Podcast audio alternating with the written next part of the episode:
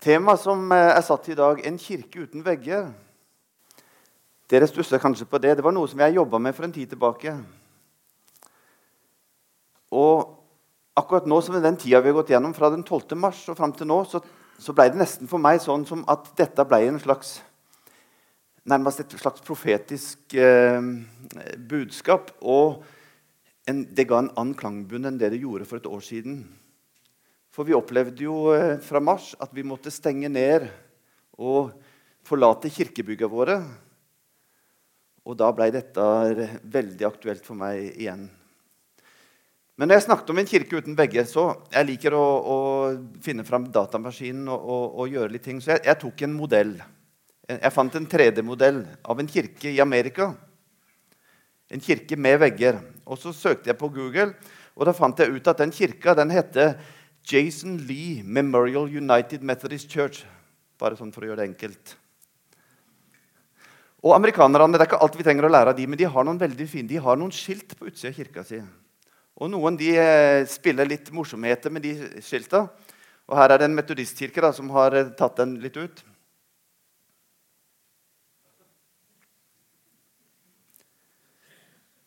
Eller kanskje denne her.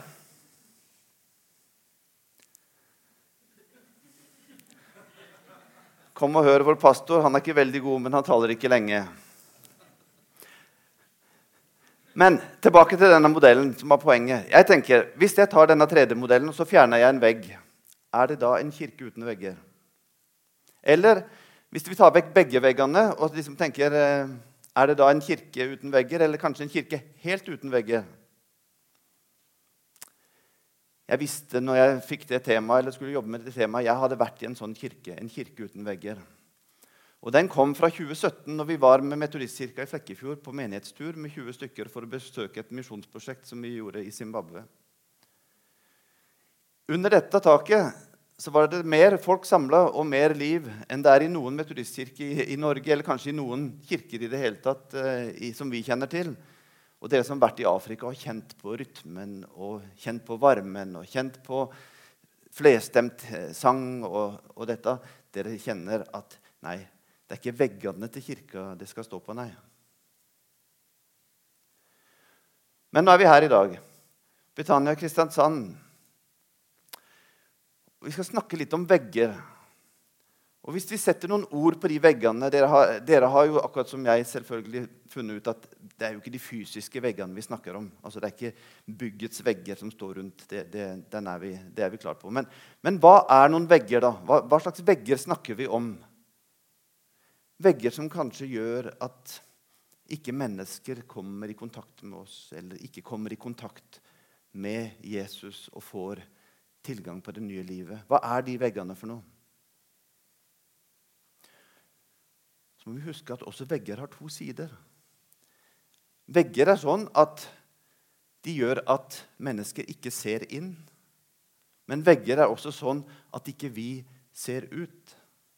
Og I overført betydning da, så kunne vi si noen ting om hva er navnene på noen vegger som du tenker hindrer mennesker fra å se inn eller komme inn i vårt fellesskap.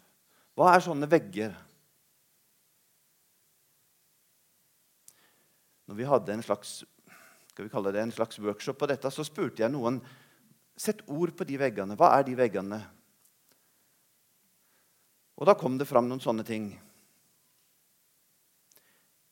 De sa utenforskap, isolasjon, klikker, kanskje selve kirkebygget, rykte, at vi er innestengt, trygghetssøkende, selvrealiserende, dømmende, innadvendte Altså mange og da hører Disse ordene handler ingenting om de fysiske veggene. De handler om de medmenneskelige veggene, eller det som på en måte skiller oss eh, fra å nå ut. Og Denne sida er ikke så veldig lett for oss å se. For de kommer litt, litt sånn i blindsoner. De har vært ute og kjørt bil. Og Noen nå har sånne fine ting at hvis det er noe i blindsona, så lyser det et lys. Så en får et varsel om at det er noe i blindsona.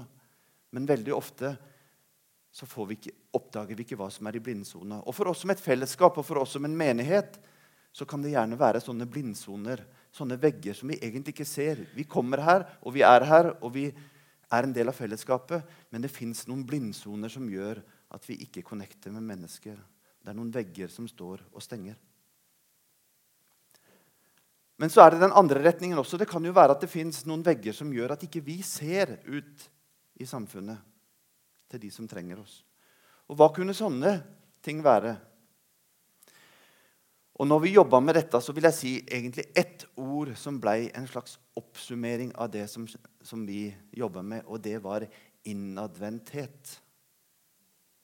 Selvfokus, eller opptatt av det som skjer inne. Vi er opptatt av hvor mange som skal komme her og sette baken sin ned på en stol, og tenker ofte at måloppnåelsen er hvor mange som kommer. Men noen andre sånne ting det kan være at vi er litt sjenerte kanskje ikke så sikre på det vi tror på. Menneskefrykt. Om vi er relevante. Negativitet. Eller det kan være ting innimellom oss som gjør at vi ikke klarer å se ut. Og Det er en av de viktigste tingene vi trenger å fokusere på i dag. Det er å se på hva er det samfunnet rundt oss egentlig trenger. Hvilke behov finnes det i samfunnet i dag som gjør at vi som kirker blir relevante. Når vi sitter her inne, så kan vi gjerne se på det som er på utsida. Og så kan vi bli litt sånn dømmende eller kanskje litt hoderystende på det som skjer der ute, og liksom tenke nei, nei, nei, nei. Men Jesus sin tilnærming til dette var jo ikke fordømmende. Han gikk jo etter dem. I fortellingen han fortalte om den fortapte sønnen, så fortalte han jo akkurat om dette. Holdningen til de som var kommet bort. Det var jo ikke å kappe hånda av dem eller å gå ifra, men det var å søke dem. Var, han hadde en, en velkommen hjem-holdning. Det var hans holdning til de som ennå ikke hadde funnet. Så det å gå og leite etter folk, det å søke mennesker opp, og ikke bare sitte her inne og vente på at de skal komme inn, den type holdning. For dette er veldig ofte det som vi gjør. og det, det hvor mange som kommer på et møte, er egentlig ikke noe annet enn en etterpåregistrering av hva vi har gjort før. Altså, Hvor mange som er her i dag, eller hvor mange som er på et møte, det sier noen ting om hvordan vi har jobba kanskje i de siste fem åra. Det er en postregistrering av hva vi egentlig har gjort. Det er ikke noe som resulterer i noe vi gjorde denne uka. eller... Det, det er en et resultat. Og I Norske kirke de har en sånn type kurve. Og Hvis vi legger til den metodistkirka sin, eksempel, som ikke er i proporsjon antallsmessig, men, men kurve, så, så, ser det sånn ut. Det, veldig mange opplever vi at det går nedover med akkurat oppmøte og besøk i kirka. Og Da har jeg lyst til å utfordre dere på tankegangen. For en tankegang er 'jeg går til kirka'. Hva sa dere i dag morges når dere sa vi skal gå til kirka. Så vi går til kirka. ikke sant? Er, vi opplever at kirka er dette stedet som vi er på. Dette er liksom, Vi går til kirka, eller her sier vi kanskje vi går til Hva er stammespråket deres? Vi går til forsamlingshus, eller vi går til Ja? Men den type tankegang på at vi går til kirka, det vil jeg sammenligne med at det er en slags attraksjonsting. Eller en sånn forbrukerkirketankegang. Hvor vi går til kirka. Der skal vi sitte og høre på noen som eh, holder noen eh, bedre eller eh, mindre gode prekener, og noen som synger. Og vi skal nærmest bli underholdt av det som foregår her. Og så skal vi i hvert fall ha noen barneprogram som er med Det skal være verdens beste folk som skal på en måte gjøre trosopplæringen for våre barn Og Det blir en slags sånn holdning på at vi, vi, skal på en måte gå og nyte et produkt, sånn som vi ofte tenker i andre ting med kjøp og salg av produkter. Men da blir det en forskjell å si, å snu dette rundt og si 'Jeg er Kirken'. Det betyr egentlig at når vi gikk hjem i korona, så var det ikke sånn at kirka stengte. Det var bare at vi hadde en distribuert modell. Vi var kirke der vi bor og er og holdt til i våre hjem og på våre arbeidsplasser. Og hvis vi tenker at vi er Kirken, Da blir det en relasjonell og misjonal kirke. En kirke som tenker helt annerledes. Jeg tror også at det å tenke at kirka ikke bare er her, men at kirka er i hjemmet der vi bor At det er en sånn kombinasjon. Vi var her på en konferanse for eh, det er snart et år siden som heter Gi Jesus videre. og Mange fra denne menigheten var med. og Dette lokalet var faktisk brukt som en del av konferansen. Og De snakket om influensere. og det er jo sånn at Influenser i dag det er sånn et lånt ord, men det kommer jo egentlig bare fra en som påvirker. Og Det er ungdommer som sitter hjemme på rommet sitt og større, har større innflytelse på, på, befolkningen i Kristiansand enn det vi har samla når vi sitter her. Altså det, er, det er enkeltungdommer som sitter hjemme og når flere folk enn det vi gjør når vi er her og samla. Og tankegangen er at hjemmene må få en helt annen plass. Sånn at hjemmene sammen med kirka, eller sammen med oss når vi er sammen her, kan få en innflytelse. Og Viktigheten av det snakket de om på den Orange-konferansen, som sikkert mange fikk med seg. Og det at vi har nesten 9000 timer tilgjengelige. Men våkentid, våkentid og sammentid i familien er ca. 3000 timer. Mens tiden vi har her i kirka med ungdom og neste generasjon, er kanskje bare 40 timer i uka. Så viktigheten av dette, å få kobla på at ikke vi tenker at vi går til Kirken, og at alt som handler om Kirken, skjer her inne, men at det er en mye større ting enn det, det er kjempeviktig. Og Kanskje blir det da viktigere å snakke om sendekapasiteten til en kirke enn setekapasiteten. For vi snakker liksom jo, vi, her kan vi få plass til hvor mange? 200? Men det vi trenger kanskje å snakke mer om, er hvor mange som blir sendt ut fra dette lokalet til tjeneste. For Jeg merker det når jeg går rundt, jeg jobber som menighetsrådgiver i Metodistkirka i Norge. og Når jeg går rundt, så spør jeg hvordan var det på søndag. Og så Vet dere hvilket svar jeg får da, som regel? Jo, det var 80 stykker på gudstjenesten. Det er svaret. Det er en slags numerisk standard. som vi er på en måte, For det er kanskje en av de få tingene vi måler også.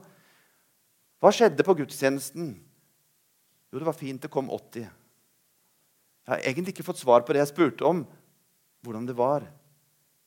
For svaret var ikke det var to som ble frelst, eller det var noen som vitna om at de hadde opplevd Jesus på arbeidsplassen, eller det var noen som ble berørt av sangen. eller det var noen, altså det var noen som ble døpt i Den hellige ånd. Det var noen som, den type, det er jo det som egentlig skulle være svaret. Så jeg har prøvd å spørre litt annerledes. Prøve å spørre spør spørsmål som leder inn mer i den retningen enn å tenke et numerisk svar på det. For det er mye viktigere hva som går ut av fellesskapet vårt, og hvordan vi når samfunnet vi bor i. Og når jeg jobba med dette, så fant jeg ut at det var faktisk en som hadde skrevet ei bok om dette som heter 'Kirke uten vegger'. Han skrev en bok i 1992. Og Bare for et par år siden så skulle han skrive den boka. Når jeg leste den boka fra 1992, så tenkte jeg ja, men dette er jo akkurat situasjonen vi har i dag. Det har ikke skjedd noen ting siden han skrev den. Og det reflekterte han over når han gjorde en revisjon for bare et par år siden. At det er veldig likt. Vi når ikke ut over rammene og våre bygg. Jeg syns illustrasjonen hans er Se dette bildet for dere. Se Kristiansand for dere i midten av dette bildet. Jeg, jeg synes av hele boka synes var kanskje det, det, er kanskje litt sånn å si tittelbildet, framsidebildet, var det beste med hele boka. Men, men jeg syns at dette bildet sier noen ting. Tenk om vi kunne tenke at kirkeveggene våre var flytta ut i hele byen på utsida av byen. på en måte, At folk kan få merke at de er en del av fellesskapet og kirka. At ikke de nødvendigvis trenger å komme inn her for å oppleve fellesskap, men de kan få oppleve det med naboer og venner og kollegaer andre steder der de bor i denne byen.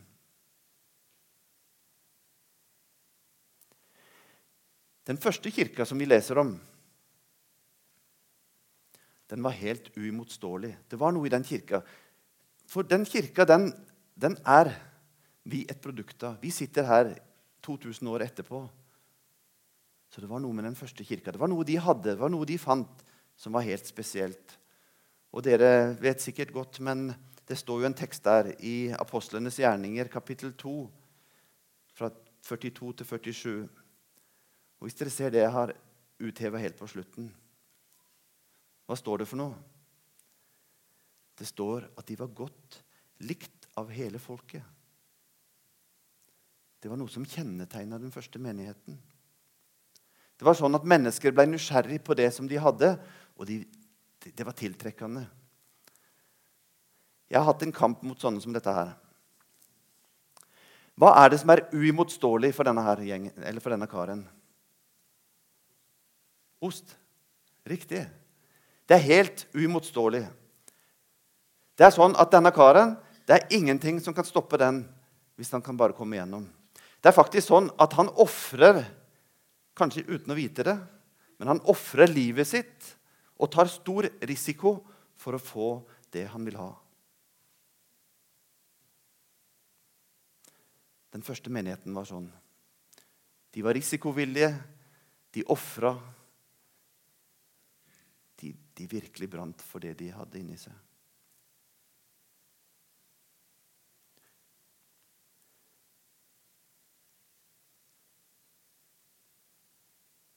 Så langt som jeg kan lese det og forstå det, så er det noe av tankegangen til de første disiplene.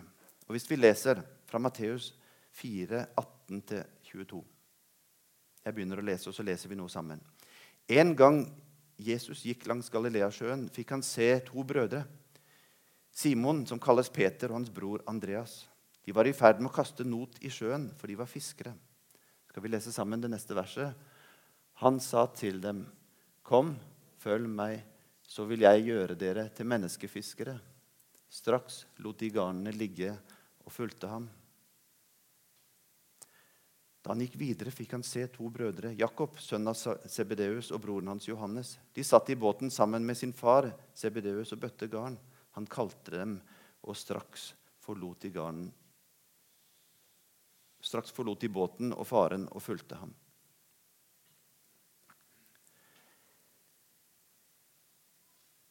Når Jesus ga oss en misjonsbefaling om å gå ut, så snakket han om å gjøre disipler. Og jeg har lyst til å utfordre dere på et verb. For jeg lurer på om vi har forveksla dette litt med å være disipler og gjøre disipler. Har vi kommet i en slags miks på to forskjellige ting? Det å gjøre disipler og det å være disipler er to veldig forskjellige ting. Og Jeg så en film, en filmsnutt for noen år siden. Og Jeg korta den litt ned og satte norsk tekst på, for det var en filmsnutt som satte dette så i perspektiv for meg. Dere skal møte en som heter John, men det kunne like så godt vært Jon.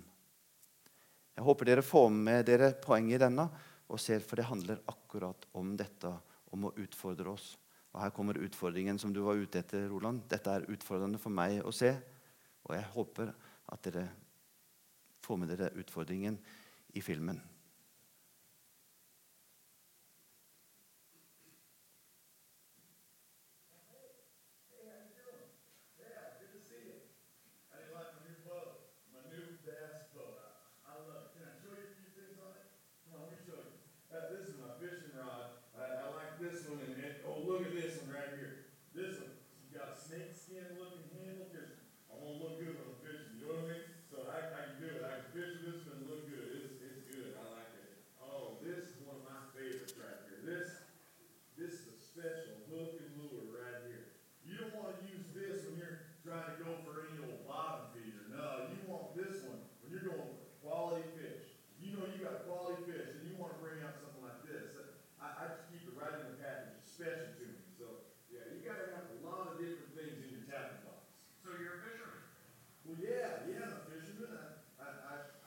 Bishop family. My daddy was a Bishop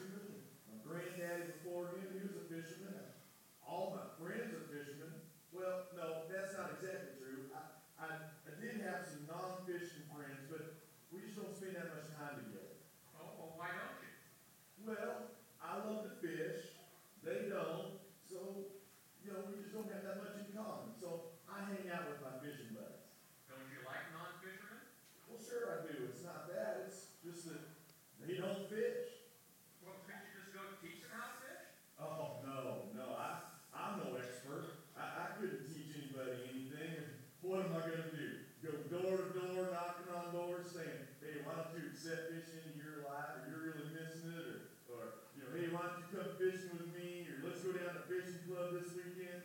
No.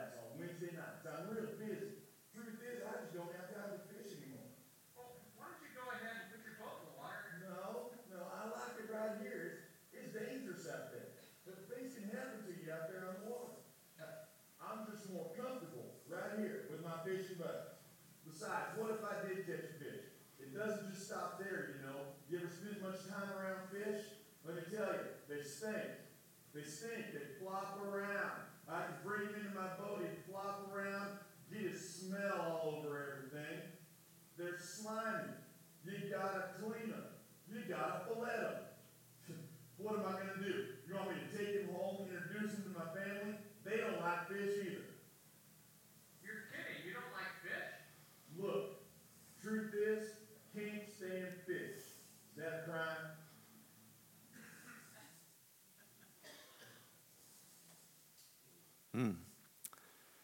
Alvorligheten i det er at det kunne vært istedenfor John, så kunne det vært Jon.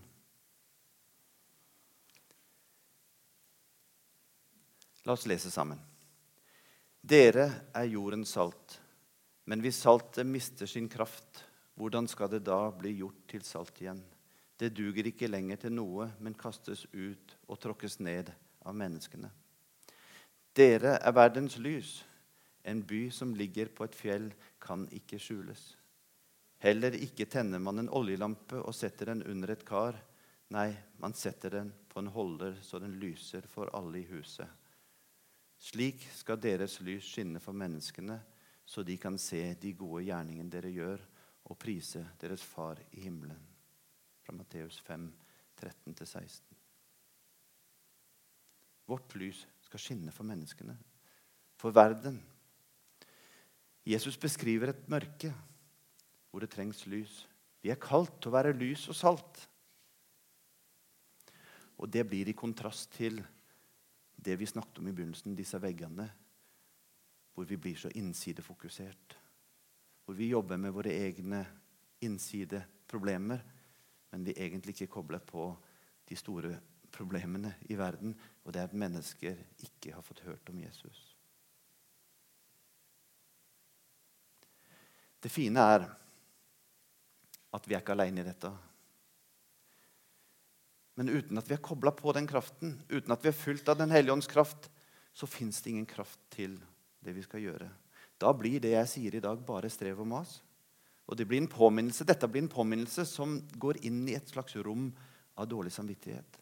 Og det er jo ikke meninga. Det skulle være en motivasjon til å løfte blikket, søke nærmere Jesus. For han har sagt at han er med oss. Han sier, 'Bli i meg, så blir jeg i dere'. Slik som greinen ikke kan bære frukt av seg selv, men bare hvis den blir på vintredet, slik kan heller ikke dere bære frukt hvis dere ikke blir i meg. Jeg er vintreet. Dere er greinene. Den som blir i meg og jeg i ham, bærer mye frukt. For uten meg kan dere ingenting gjøre. Og det er utfordringen. Det er å søke den nærheten. Det er å være på den bølgelengden.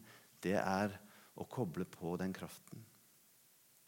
Søke nær Gud og søke nær hverandre som fellesskap til å kunne gå ut. Og Da blir kirka seende helt annerledes ut. Da blir ikke kirka et bygg, men da blir kirka et byggverk av mennesker, av levende steiner, som er kobla sammen som hans kirke. Og da blir vi også uimotståelige. Da vil mennesker rundt oss merke at vi har noe som de ikke har, og de vil søke det. Og de vil ikke gi seg på søken før de finner det.